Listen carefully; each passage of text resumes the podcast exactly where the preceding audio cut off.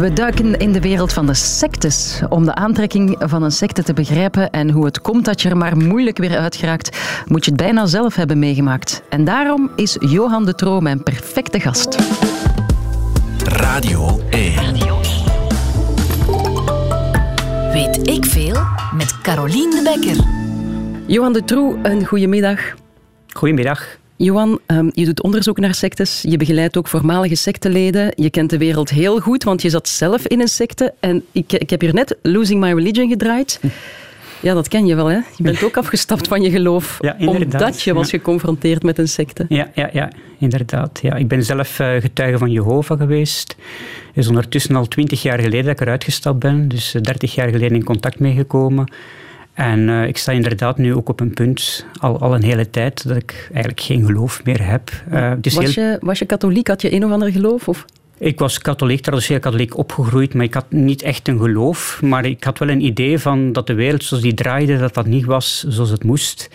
En ehm, ik was ook heel fel geïnteresseerd in godsdiensten. En op die manier ben ik eigenlijk in contact gekomen met de getuigen van Jehovah, die zowel een religie propageren als ehm, een, een nieuwe wereldvisie, eh, waarbij niet de mens de oplossing gaat brengen, maar God. En dat was voor mij de klik eh, die maakte dat ik mij eh, bij die beweging gevoegd heb. Ja, ja, want voor we alles op een hoop gooien, religie en sectes, dat is natuurlijk niet allemaal, ja, niet, niet allemaal hetzelfde, maar ja, kan je het op een bepaald niveau vergelijken met religie, sectes? Ja, wel, dat is natuurlijk een hele discussie over wat het nu de, betekenis is van het woord eh, secte. Want eigenlijk, eh, als je kijkt naar de oorspronkelijke betekenis van het woord secte, dan kan je eh, ook het christendom beschouwen als een secte. Want een secte komt van het woord secare, wat betekent afsnijden. Dus het is eigenlijk een groep van mensen die zich afsnijden van een vaak grotere eh, religieuze groepering, omdat ze bepaalde dingen niet meer geloven of bepaalde rituelen niet meer eh, navolgen van die grote groepering. En ze beginnen een nieuwe beweging.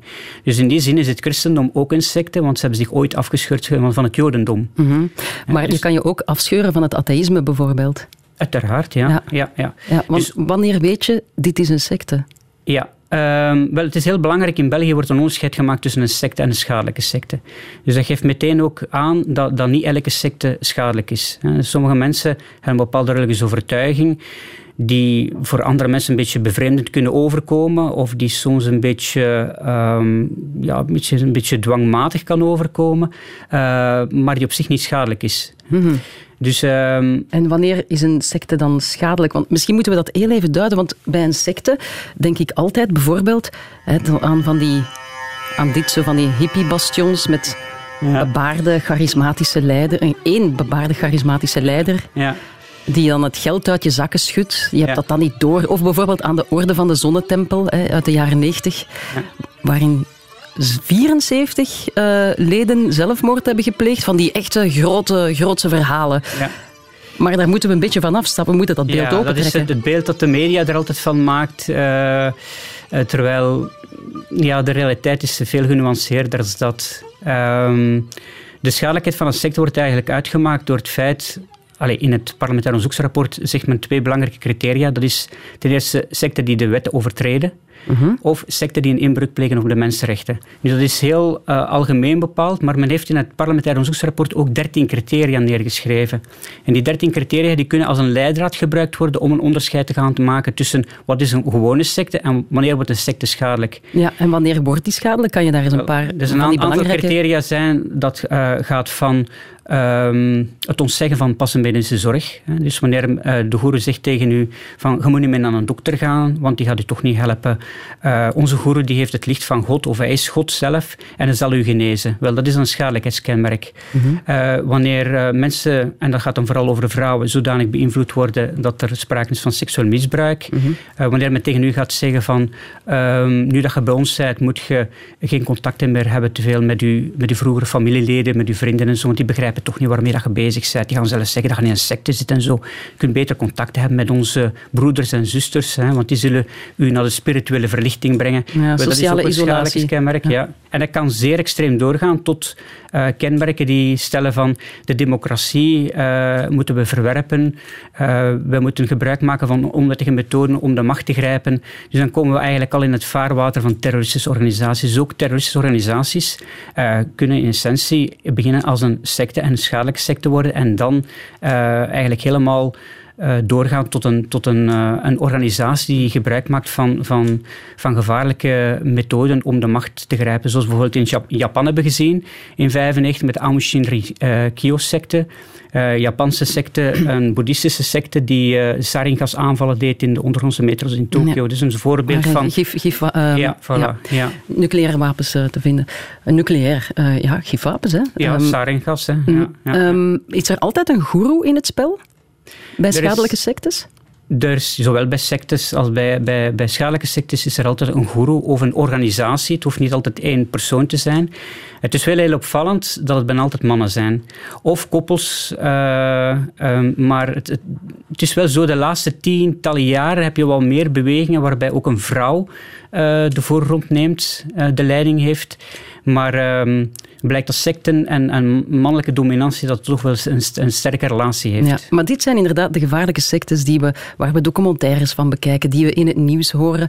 Je hebt ook heel wat sectes die misschien psychologisch ook gevaarlijk kunnen zijn, maar die niet in uh, overtreding met de wet zijn. Um, ja, dat valt ook te zien. Ondertussen hebben we ook al een wetgeving uh, die stelt dat je, uh, wanneer je weet hebt van het feit dat iemand zich in een, in een psychische of een fysieke zwakte, uh, zwakke positie bevindt en u maakt daar misbruik van door bepaalde technieken te gebruiken die het oordeelsvermogen verstoren, dan kan u eigenlijk wettelijk gezien ook al gestraft worden. Dat lijkt me zo subjectief. Dat is natuurlijk, dat blijft subjectief. Hè. Ja. Um, dat zien we dus ook. Ik geef ook al sinds 2007 les aan de politiemensen en ik weet in beginjaren, dan krijg je zo van die reacties van Um, bijvoorbeeld wanneer ik vertel over een, een groep vrouwen die seksueel misbruikt geweest zijn door een guru, ja, dan krijg je van die reacties van, ja maar ja, ze hebben daar toch voor gekozen om daarmee te slapen. Ja. Of uh, wanneer iemand uh, zegt van, ja, ik ben al mijn geld kwijt. Ja, maar ja, je hebt dat toch vrijwillig gegeven? Ja, maar dan is er, is er sprake van indoctrinatie. Ja, en dat, wordt heel ja. moeilijk, dat is een heel moeilijk onderscheid waarschijnlijk. Ik, ja, ik, ik, begrijp natuurlijk de politie ook en, en, en, en de recht, uh, het rechtssysteem gaat kijken naar de wet, zoals het neergeschreven staat. Mm -hmm. Maar het emotionele klimaat die iemand ertoe kan brengen om iets te doen die ze eigenlijk niet zouden willen doen, ja, dat, dat is onduidelijk nog. Uh, en dat is heel belangrijk dat dat ook uh, wordt meegenomen in het verhaal. Ja, want je, hebt daar, je, hebt, je bent bij de getuigen van Jehovah geweest, uh, tien jaar lang. Jij zegt ook, ja, dat is een secte. Was dat voor jou schadelijk? Want dat is wel wettelijk toegestaan om... om dat is ook een schadelijke secte. Um, omdat er een aantal criteria zijn van de dertien criteria die van toepassing zijn op de getuigen van Jehovah. Um, stellen we bijvoorbeeld een... Maar het mag. Het is, het, het is oké. Okay. Scientology net hetzelfde. Ja, ja, ja. ja, ja. ja. Ja, het is een hele moeilijke problematiek, omdat je eigenlijk ja, inderdaad in, dat, in die vage zone zit. Zo van, van ja, wat is nu wettelijk en wat is, uh, ja. Ja, wanneer wordt beïnvloeding schadelijk?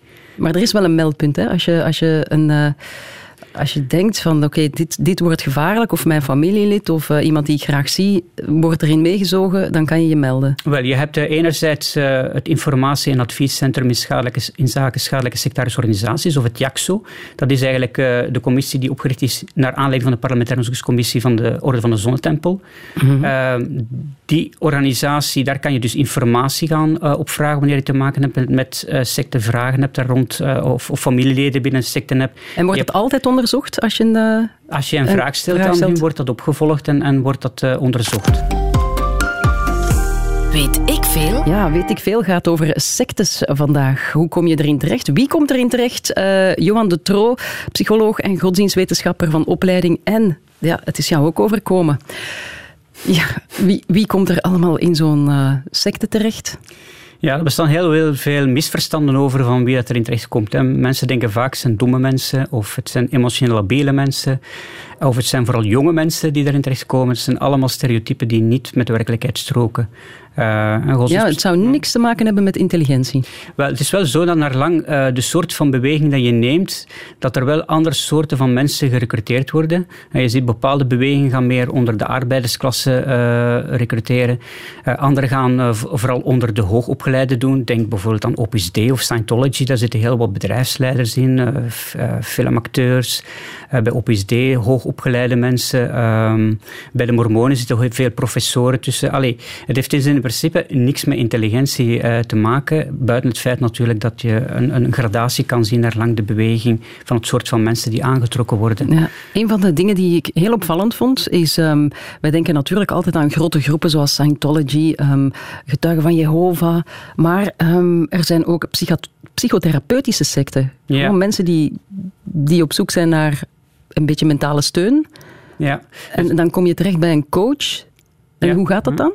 Wel, uh, dat is, dat, is een, uh, een zeer interessant uh, gegeven. Als we kijken naar de statistieken die bij het JAXO opgemaakt worden, dan zien we dat al een tendens is van een, een zes, een achttal jaren. Dat um, ehm, 21% van de aanvragen die binnenkomen, dus dat is een van de grote blokken, te maken hebben met psychotherapeutische secten. En mensen gaan vaak secten met religieuze bewegingen identificeren, maar je hebt dus blijkbaar ook bewegingen waarbij mensen zich dan toch vragen stellen, ook is het niet in essentie religieus, dat er toch een aantal elementen zijn die sectaris aandoen en waarbij mensen dan toch de vraag beginnen te stellen van ja, zit ik hier dan toch niet in een... In een, in een uh, en wat moet ik mij daarbij voorstellen dan? Wel, psychotherapeutische secten zijn secten die een soort van uh, therapeutische techniek gebruiken of een meditatieve techniek gebruiken, uh, die vaak gekleurd is door bepaalde esoterische of uh, religieuze elementen. Die zitten er, die zitten er ook in, hè, maar mhm. dat is niet in, in essentie. En waar de bedoeling is om tot een zekere zelfontplooiing te komen of tot een hoger bewustzijnsniveau te komen uh, om jezelf te verwerkelijken. Um, ja, oké. Dus het speelt een beetje in op, uh, op, op een, ik kan niet zeggen labiele persoonlijkheden, maar, maar mensen die op zoek zijn naar, naar zelfverbetering of, uh, of zich beter willen voelen. Ja, er zijn natuurlijk ook mensen die, die emotioneel labieler zijn, die daarin uh, terecht kunnen komen hè, en die daar uh, veel slechter gaan uitkomen. Maar het is zeker niet zo dat het alleen maar emotioneel labiele mensen zijn, maar het zijn wel mensen die op een of andere manier met zingeving bezig zijn, met zichzelf bezig zijn, vragen stellen rondom zichzelf of met problemen zitten, mm -hmm. waarbij ze een oplossing wensen. Um, dus het kan heel, heel variabel zijn van zo'n soort van mensen die daarin terechtkomen. Ja. Er is ook wetenschappelijk onderzoek gevoerd dan naar, eh, naar die mensen die bij sectes terechtkomen. Ze zijn uh, gemiddeld gezien niet meer of minder psychologisch gestoord. Psychologisch gestoord, wat een woord. Hebben niet meer of minder psychologische problemen dan, dan, uh, dan het gemiddelde niet-sectelid. Ja. ja.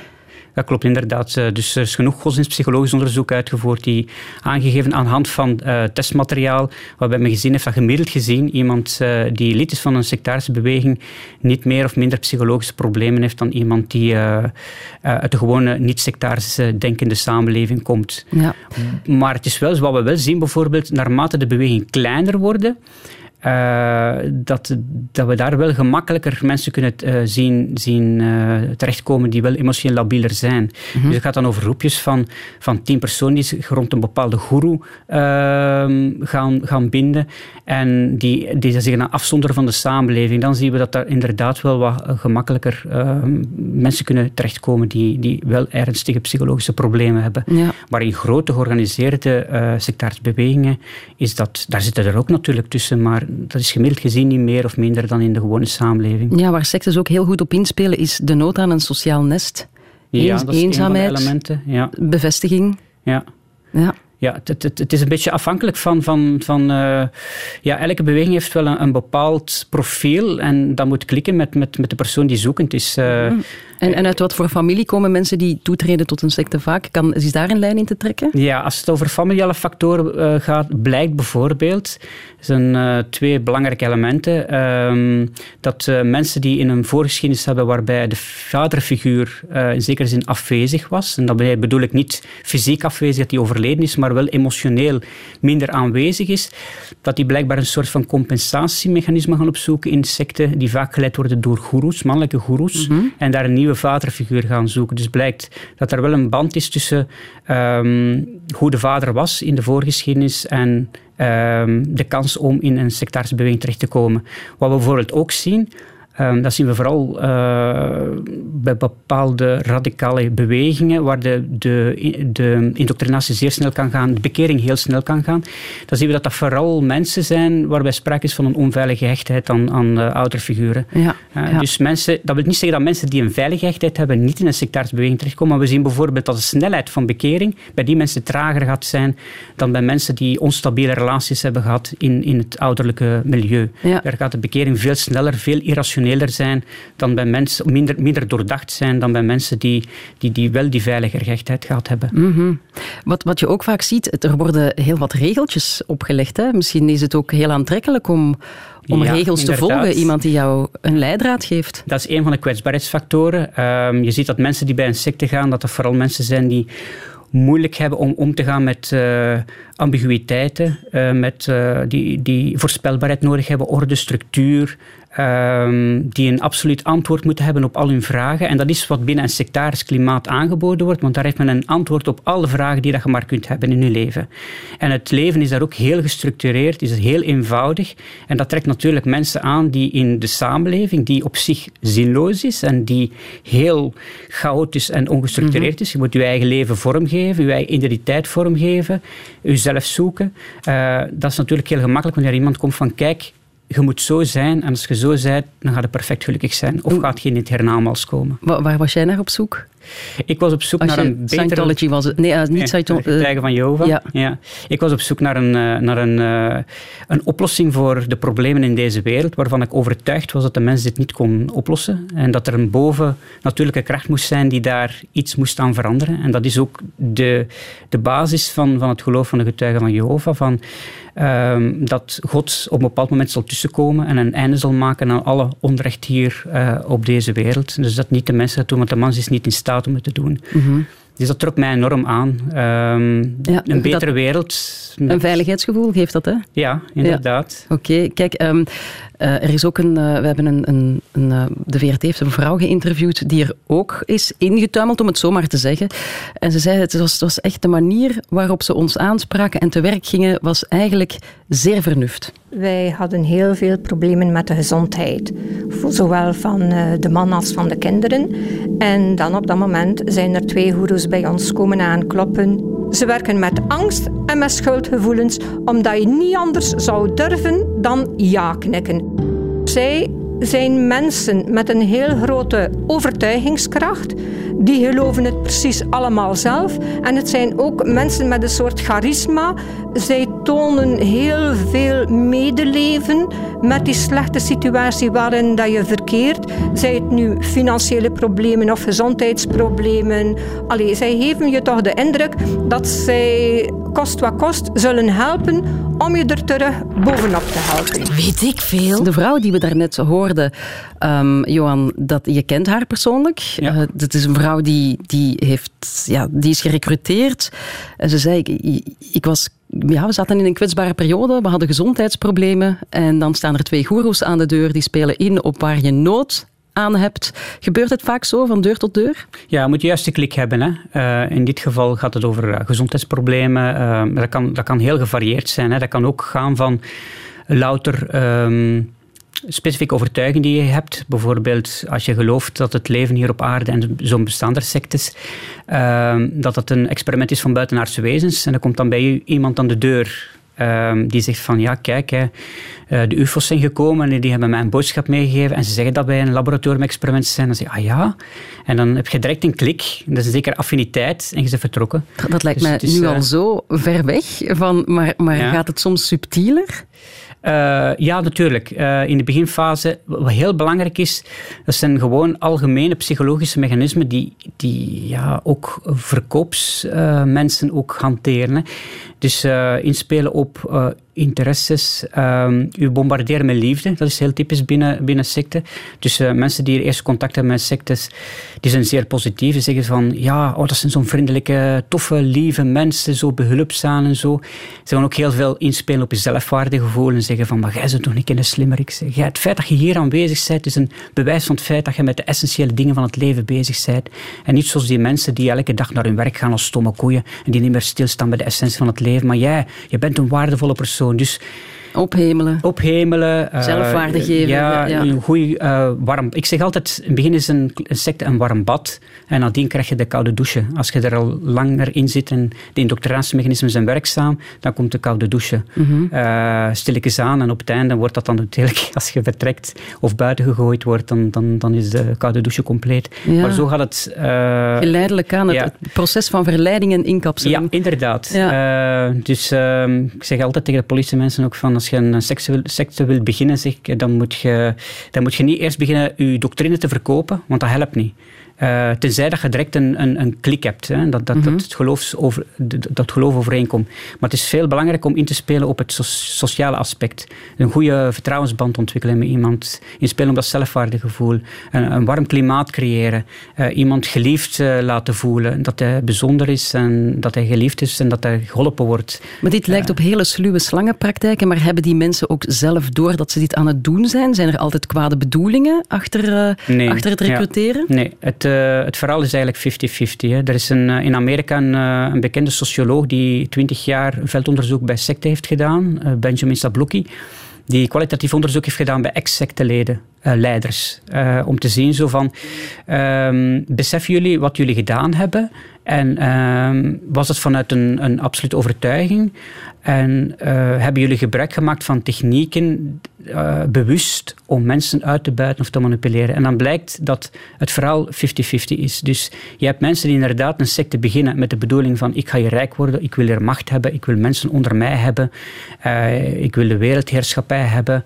Um, en je hebt een ander deel van de mensen die op een of andere manier tot overtuiging zijn van ik heb de waarheid gevonden en ik ga die aan andere mensen meedelen mm -hmm. en ik ga andere mensen overtuigen en ze moeten dat ook aanvaarden, want ik wil ook dat zij gered worden. Ja, een uh, soort van uh, moderne messiassen. Ja, ja. ja. En maar dan soms in die overtuiging bepaalde technieken gaan toepassen die, waarvan ze niet bewust zijn dat die eigenlijk al mensonterend worden, uh, dat die manipulatief zijn. Gewoon vanuit het idee van ik wil die andere persoon ook mee uh, in het hiernamaals krijgen of mm -hmm. ook mee de, de boodschap geven, want dat is echt de, de bevrijding. Mm -hmm. Ik hoorde daarnet, uh, ik was met Evert een beetje aan het praten voor we dit programma starten. Evert presenteert uh, de, de zomer van en hij zei, ja, ik als student ben ik ooit gerecruiteerd door Scientology, zei hij, of bijna. Hè. Ze spraken mij aan op straat en hele leuke, charismatische mensen, ik was helemaal mee en dan laten ze mij een vragenlijst invullen. Ja. En dan kijk, ja, wauw, wat ben je een leuke man. Wat ben je, oh ja, duiden op je, op je hele, uh, op je talenten. En dan, hé, hey, maar psychologisch zie ik dat je hier toch kleine, de kleine tekortkomingen aanraken. En dan zeggen, hé, hey, maar daar kunnen wij iets aan doen. We kennen dit probleem. Kom vanavond naar onze vergadering. En zo gaat het, het, het ja. inspelen op dat... Uh, op de kleine tekortkomingen of waar je beter in kan doen.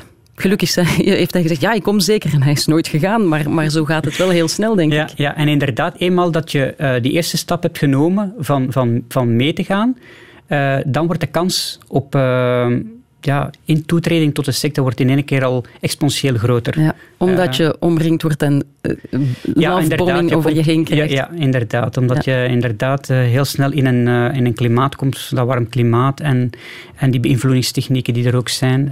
Maar dit is ook een mooi voorbeeld van van wat, secten ook, schadelijke secten uh, doen, is gebruik maken van camouflagetechnieken.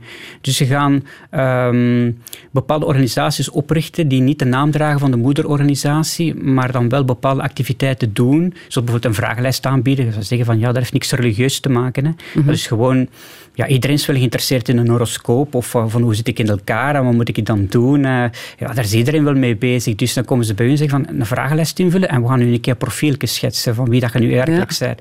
Ja, dat is, dat is wel boeiend. Hè? Juist. En dan kom je ook in, in uh, situaties terecht waarvan, die je nooit zou associëren met... Um, met secten bijvoorbeeld. Ik, wat, wat las ik? Uh, cursussen in gevechtsporten, um, ja. uh, prestigieuze plaatsen zoals grote hotels, universiteitsgebouwen, waar je dan ja. Ja, een, een, dat is natuurlijk een misleiding. Mensen denken vaak van ja, het gaat door in een cultureel centrum uh, of in een hotel of zo. En dan zal er wel niks aan de hand zijn, want anders zouden ze dat waarschijnlijk wel verboden hebben. Dus daardoor krijgt die activiteit een zeker legitiem, eerbaar karakter. En mensen denken van, daar is niks verkeerd mee. Ja, als je mm -hmm. natuurlijk organiseert uh, in een gebouw van de secte zelf, ja, dat is al... Dat is al um, ja, dat is al meer bevreemdend. Mensen gaan daar minder gemakkelijk naartoe gaan. Maar als je het op die manier kunt doen, dat is ook weer een verleidingstechniek hè, die, mhm. die gehanteerd wordt. Dus alles zit in het kader van verleiding, van inkleding, kapseling. Wat als je dan verleid bent? Bestaat er dan zoiets als hersenspoeling? Ja. Uh, natuurlijk, uh, de gradatie daarin is, is, uh, is, is heel breed. Hè. Je hebt mensen die, die licht beïnvloed worden ehm, en dan ja, naarmate je langer inblijft of binnen bepaalde bewegingen, dat je heel feller kunt geïndoctrineerd worden. Nu, het is wel een, kan je waarschijnlijk ook evalueren van slachtoffer naar dader. Inderdaad, ja. En sommige mensen gaan zelfs zo ver dat ze in overtuiging dingen doen die ze normaal gezien niet zouden gedaan hebben uh, wanneer ze niet onder invloed uh, zouden staan. Ja. Oké, goed. Um, je kan er jaren en jaren in vaststeken, want je, als je omringd wordt en langzaamaan afgesneden van de buitenwereld, dan is het heel erg moeilijk om eruit te komen. Ja, want je krijgt geen invloed meer van buitenaf, geen correctie meer. Uh, je hebt alleen maar nog maar het leefklimaat van, van de andere mensen die hetzelfde geloven, dus er is geen enkele correctie meer.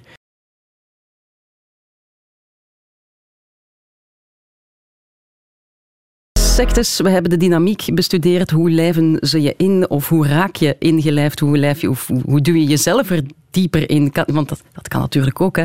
Je denkt, ik, uh, ik, ik ben op zoek naar iets, ik stap erin. Of vind je het altijd een enorme vorm van indoctrinatie en uh, misleiding? Nee, er zijn natuurlijk, en ik zeg ook, uh, mensen vinden dat een beetje bevreemdend, maar er zijn ook positieve aspecten aan, uh, aan sectes. Soms, ah ja?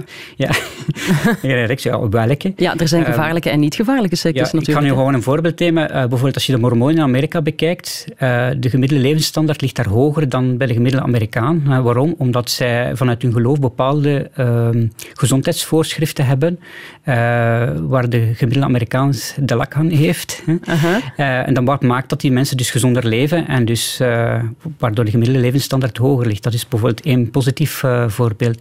Je kan bijvoorbeeld bij bepaalde uh, therapeutische meditatieve bewegingen Um, daar kan je inderdaad ook wel uh, gezondheidseffecten hebben van minder stress. Uh, dus er zijn, zijn inderdaad... Meditatie en yoga, goed voor jou? Ja, dat is op zich goed. Zolang dat, dat niet gekaderd wordt uh, binnen een, een destructieve secte, is dat, kan dat zeer positief zijn. Voilà, dat is een belangrijke nuance. Je hebt tien jaar geleden um, de getuigen van Jehovah verlaten. Want de vraag is nu, hoe moeilijk is het om zo'n beweging te verlaten? Wat, wat heeft gemaakt dat jij dacht, ik, ik moet weg? Ja, bij mij was 20 jaar geleden. Sorry. Uh, wat voor mij, ik heb eigenlijk een jaar over gedaan voor ik echt uh, letterlijk gezegd heb van ik wil geen deel meer uitmaken van de gemeenschap. Dus ik heb er een jaar over gedaan. Je bent er wel tien jaar in totaal gebleven, hè? Ja. En dan het laatste jaar ja, dan ben ik echt beginnen uit te zoeken. Uh, want je hebt meestal ook geen tijd om dingen uit te zoeken. Hè. Je bent zo druk bezig binnen een secte. Uh, je hebt dan soms wel een keer twijfels, maar ja, die zijn dan, worden rap weer de kop ingedrukt, omdat je nooit geen, veel tijd en ruimte maakt om dingen uit te zoeken. En ik heb mhm. toen gezegd van nu ga ik eens alles beginnen goed uit te zoeken. En voor mij was dat vooral op verstandelijk niveau. De doctrines, uh, onderzoek, de manier waarop ze met bepaald archeologisch materiaal omgingen, dat verdraaide om hun gelijk te krijgen. Um, dus ben ik heel veel opzoekingswerk gaan doen. En ja, dat heeft gemaakt dat ik eruit getreden ben. Maar wat voor mij heel moeilijk was en wat voor veel mensen uh, moeilijk is, is omdat er een heel belangrijke angst uh, aanwezig is uh, binnen secten. En die pak je nog mee. Want het is niet omdat je... Angst die van waar komt? Ja, angst die, die het gevolg is van de, de indoctrinatie van de doctrine die je tot, tot jou genomen hebt. Vooral het feit van als je geen deel meer uitmaakt van de gemeenschap, zal je voor eeuwig altijd vernietigd worden. Um, of zal je verschrikkelijke ziektes krijgen, of, of weet ik veel. Dat, ieder vult dat op zijn manier in. Maar het is niet omdat je fysiek de stap pakt uh, om weg te gaan bij een secte, dat, dat het gedachtegoed dat je zoveel jaren tot jou hebt genomen, hè, bij mijn geval dus tien jaar, dat je dat zomaar uit je hoofd kunt, kunt wegdoen. Dus dat blijft nog naspelen. En dat geeft natuurlijk die angst, want je bent geen deel meer van de gemeenschap, maar anderzijds zit je nog wel met die gedachten en ben je soms ook nog wel, ja, heb je nog vragen van, zouden ze toch geen gelijk hebben? Uh, ja, als dat toch het einde van de wereld niet nabij zijn, krijg je angst, want je bent geen deel meer van de gemeenschap. Moet ik terugkeren? Ja. Um, en er helemaal alleen uitstappen, want na tien jaar blijft er waarschijnlijk niet veel meer over van je sociale kring buiten de secte.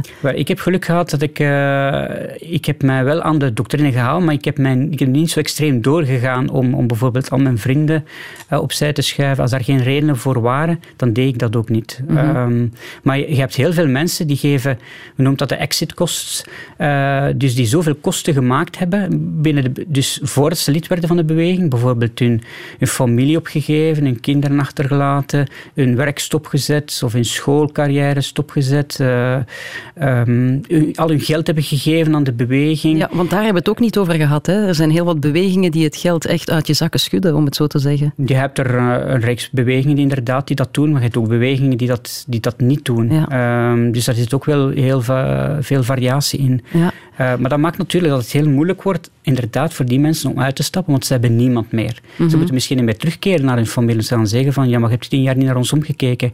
Nu moeten niet meer afkomen. Mhm. um, je, je begeleidt ook uh, mensen die er zijn uitgestapt. Je, je begeleidt slachtoffers, familieleden ook, daders, die zelf ook dader zijn geweest binnen zo'n organisatie. Dat is, dat, je ziet heel veel moeilijkheden passeren. Ja, ja, ja. ja, ja. En dat, dat eruit stappen, dat psychologische effect, of, dat is zeer, zeer groot. Ja, je moet terug je leven opbouwen. Hè? Ja. En je moet ook op zoek gaan naar je... Want dat is het typische binnen een secte. Dat is eigenlijk de essentie van een secte. Wat men doet binnen een secte is je eigen authenticiteit proberen te vernietigen. En hun eigen uh, visie, hun eigen persoonlijkheid, een nieuwe persoonlijkheid meegeven aan jou. want je moet denken zoals de guru, of je moet denken zoals alle andere leden binnen de gemeenschap. Dus je weet eigenlijk ook niet meer wie je bent. Eh, je komt eigenlijk in een soort van existentiële angst terecht van je begint vragen te stellen, ja, maar wat is dan wel het zin van het leven? Wie ben ik nu eigenlijk? Uh, en dan krijg je zo soms van die vragen, mensen die dan vragen stellen. Dan, ik zeg dan bijvoorbeeld, ja, je moet terug wat sociale activiteiten ontwikkelen. Ga een hobby doen. Ja, wat vind je dat ik moet doen als hobby? Mm Zeg, ja, ik moet dat niet beslissen. Ja, zeg, jij alles is je uit de handen genomen. Je, je, hebt nooit geen beslissingen genomen. Je, cognitief zijn ze volledig verlamd. Uh, dus die mensen moeten, dat zijn terug kinderen eigenlijk. Hè. Uh-huh. Uh, je moet die terug uh, leren zichzelf ont, ont, ontdekken. En dat is vooral nog moeilijker bij mensen die zogenaamde tweede generatie secte lezen, mensen die geboren worden in een secte en die erna uitgaan. Die hebben zelfs weinig plaats gehad voor een eigen authenticiteit te ontwikkelen. Dus voor hun is het nog moeilijker mhm. om uh, zich terug een, een, leven te vinden in de, in de samenleving. Hoe lang duurt zoiets voor je terug op je poten terechtkomt? Dat zal afhankelijk zijn van persoon tot persoon, maar daar gaan wel jaren overheen, denk ik. Ja, dus voor uh, iemand die dus niet tot die tweede generatie secteleden behoort, dus, dus mensen die erin terechtgekomen zijn uh, en er terug uitgaan, die er niet in geboren zijn, duurt dat gemiddeld gezien twee jaar. Twee moet toch wel twee jaar rekenen. Uh, bij mensen waar na twee jaar nog problemen zijn, die hebben vaak al problemen gehad voordat ze uh, tot de secte toetraden. Dus die hebben wel wat extra uh, begeleiding nodig. En sommige mensen hebben zelfs in eerste plaats ehm, gespecialiseerde psychologische of psychiatrische begeleiding nodig voordat ze hun secteverleden verder kunnen verwerken. Wat, wat raad je vrienden en familieleden aan van iemand die in zo'n secte zit en waar die het alarm slaan? Wat, wat raad je ze aan? Hoe kan je die mensen helpen? Hoe kan je ze ondersteunen? Ja, contact opnemen met, uh, met, de, met, vereniging die, uh, die gespecialiseerd is in, in, in die gegevens, in de feiten. Uh, maar wat je bijvoorbeeld zeker niet mag doen, is, is heel confronterend zijn. En ehm, zeggen, je moet daarmee stoppen. je zit in een secte. Ehm, dus heel confronterend zijn, heel... Ehm, ja, moet ze met een koude douche wakker proberen te schudden. Ja, dat, helpt totaal niet. niet. en ook niet redeneren of argumenten aanhalen. maar je moet ze eigenlijk op een sluwe manier ook terug... Je moet dus eigenlijk terug inspelen op... Uh, op waar ze in eerste instantie door verleid zijn ja, geraakt. Ja. Daar is een stukje inhoudelijk bij, maar er zit ook een, een heel stuk uh, emotioneel, sociaal, psychologisch aspect bij. En daar moet je op inspelen, inderdaad. Het is een soort... Het wordt vaak vergeleken met een verslaving. Hè. Uh, iemand die verslaafd is, kun je ook niet van de ene op de andere dag van, van zijn middelen afhelpen. En dat, dat vergt ook een, een, een volledig proces van, van vallen en opstaan. En zo is dat ook bij het uittreden van een sectarische beweging. Sommige mensen ja, vallen terug en willen dan teruggaan. Uh, dan, is, dan is het belangrijk dat je inspeelt op die, die, die psychologische en emotionele componenten om toch proberen iemand binnen de beweging te houden. En zeker niet beginnen te, te argumenteren, uh, heel confronterend te zijn. Uh, dat, dat helpt totaal niks, want dan gaat iemand juist terugduwen naar de beweging toe. Mm Oké. Heel belangrijk vind jij, Johan, om te benadrukken, er is nog een leven nadien. Jazeker, en het is een fantastisch leven. Ja, daar kan jij van meespreken. Hoe lang is het nu geleden? Je... Het is voor mij twintig jaar geleden en, en ik moet zeggen van, uh, ja, ik vind, vind een fantastisch... Er zijn twee dingen die, die, die heel belangrijk zijn, denk ik, in het leven van een mens. dat is gezondheid en dat is vrijheid. En uh, ja, als een van die twee dingen afnemen, dat is, dat is zo elementair aan het mens zijn. En de secte uh, neemt, neemt die vrijheid volledig af. of toch in heel belangrijke mate. En als je die dan her kunt herwinnen, dat is, ja, dat is zoals uit een gevangenis komen, denk ik. Uh, ja. Uh... We gaan maken dat we er nooit in terechtkomen. Daarom de kleine examenronde. Beste Johan, ja. jij moet mij ondervragen. Dat is het concept van weet ik veel op het einde. Hè. Eens kijken, luisteraars, doe gerust mee, want uh, je bent niet de enige. Hè? Allee, ik ben niet de enige. Oké, okay, de eerste is een fundamentele vraag. Van waar komt het woord secte vandaan? Sec secta... secta um, sectarium? Nee, wat, wat, wat betekent het? Ah, wel, uh, afscheiding? Ja, inderdaad. Ja. Um, welke secten recruteren vooral bij hoogopgeleide mensen? Um, de Opus Dei was er eentje van. Ja. Uh, Dan een heel bekende. Scientology. Voilà, ja, perfect. Um, kan de vaderfiguur uit je gezin een rol spelen bij het al of niet toetreden tot een secte? Ja, als die emotioneel afwezig was. Perfect. Uh, hebben sectes altijd geldgewin als doel? Nee, nee, niet altijd. Er zijn ook niet altijd slechte sectes of ja. gevaarlijke sectes. Oké. Okay. Perfect. En wat zijn uh, belangrijke gevolgen van uittreding? Um, de geval... Wat is, wat is een... Dat je kritisch begint na te denken. Dat je... Um... Uh, u bedoelt negatieve gevolgen van uittreding? Ah, negatieve gevolgen ja. van... Um, uh, dat je geen netwerk meer hebt, dat je niet zelfstandig meer kan denken, dat je ja. als een kind denkt, zoals je er ja. net zei. Ja. Hey. Ja, vijf op vijf. Maar, joepie, dat is... Oké, nu ben ik even, nu ben ik even gelukkig en trots op mezelf. Het zal me nooit gebeuren, beste Johan, dankzij jou. Dankjewel, Johan de Tro. Radio 1. Weet ik veel? Zo, bedankt om te luisteren. Ik zou zeggen, hou het hoofd koel cool en pik onderweg nog wat andere podcasts mee van Weet ik veel. Dankjewel.